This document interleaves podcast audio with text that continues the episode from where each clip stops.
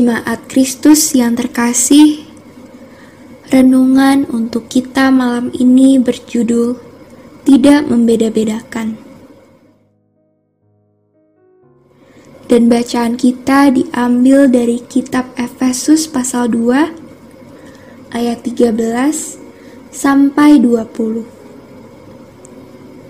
Beginilah firman Tuhan. Tetapi sekarang di dalam Kristus Yesus, kamu yang dahulu jauh sudah menjadi dekat oleh darah Kristus. Karena dialah damai sejahtera kita yang telah mempersatukan kedua pihak dan yang telah merubuhkan tembok pemisah, yaitu perseturuan. Sebab, dengan matinya sebagai manusia, ia telah membatalkan hukum Taurat dengan segala perintah dan ketentuannya. Untuk menciptakan keduanya menjadi satu manusia baru di dalam dirinya, dan dengan itu mengadakan damai sejahtera, dan untuk memperdamaikan keduanya di dalam satu tubuh dengan Allah oleh salib, dengan melenyapkan perseturuan pada salib itu ia datang dan memberitakan damai sejahtera kepada kamu yang jauh dan damai sejahtera kepada mereka yang dekat. Karena oleh dia, kita, kedua pihak dalam satu roh beroleh jalan masuk kepada Bapa. Demikianlah kamu bukan lagi orang asing dan pendatang, melainkan kawan sewarga dari orang-orang kudus dan anggota-anggota keluarga Allah yang dibangun atas dasar para rasul dan para nabi dengan Kristus Yesus sebagai batu penjuru.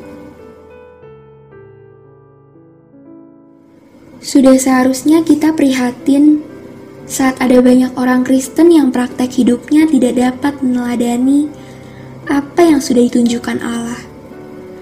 Khususnya saat masih membeda-bedakan seseorang dari latar belakang yang dimiliki, mulai dari suku, kondisi ekonomi, pekerjaan, kondisi badan, ataupun dalam hal-hal lain yang dapat menjadi alasan untuk seseorang menilai orang lain berbeda dengan dirinya.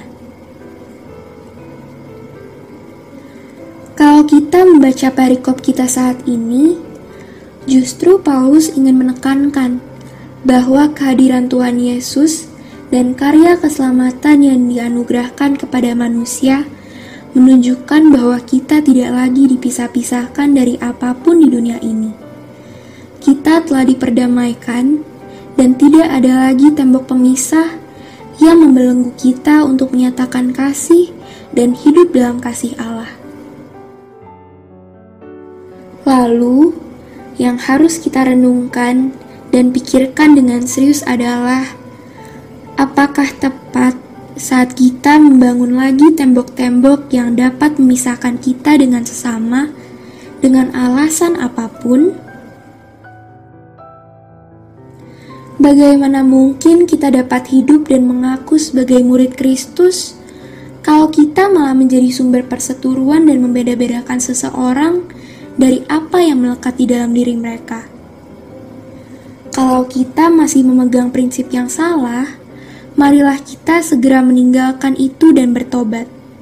Sudah seharusnya kita kembali pada apa yang dikehendaki Allah, yaitu merangkul kehidupan sekaligus merasakan dan merayakan perbedaan. Percuma juga bila kita tetap mengeraskan hati hanya mau berelasi dengan yang dianggap sama. Padahal tak ada satupun hal di dunia ini yang sama kecuali kasih dan keselamatan yang dianugerahkan Allah untuk kita.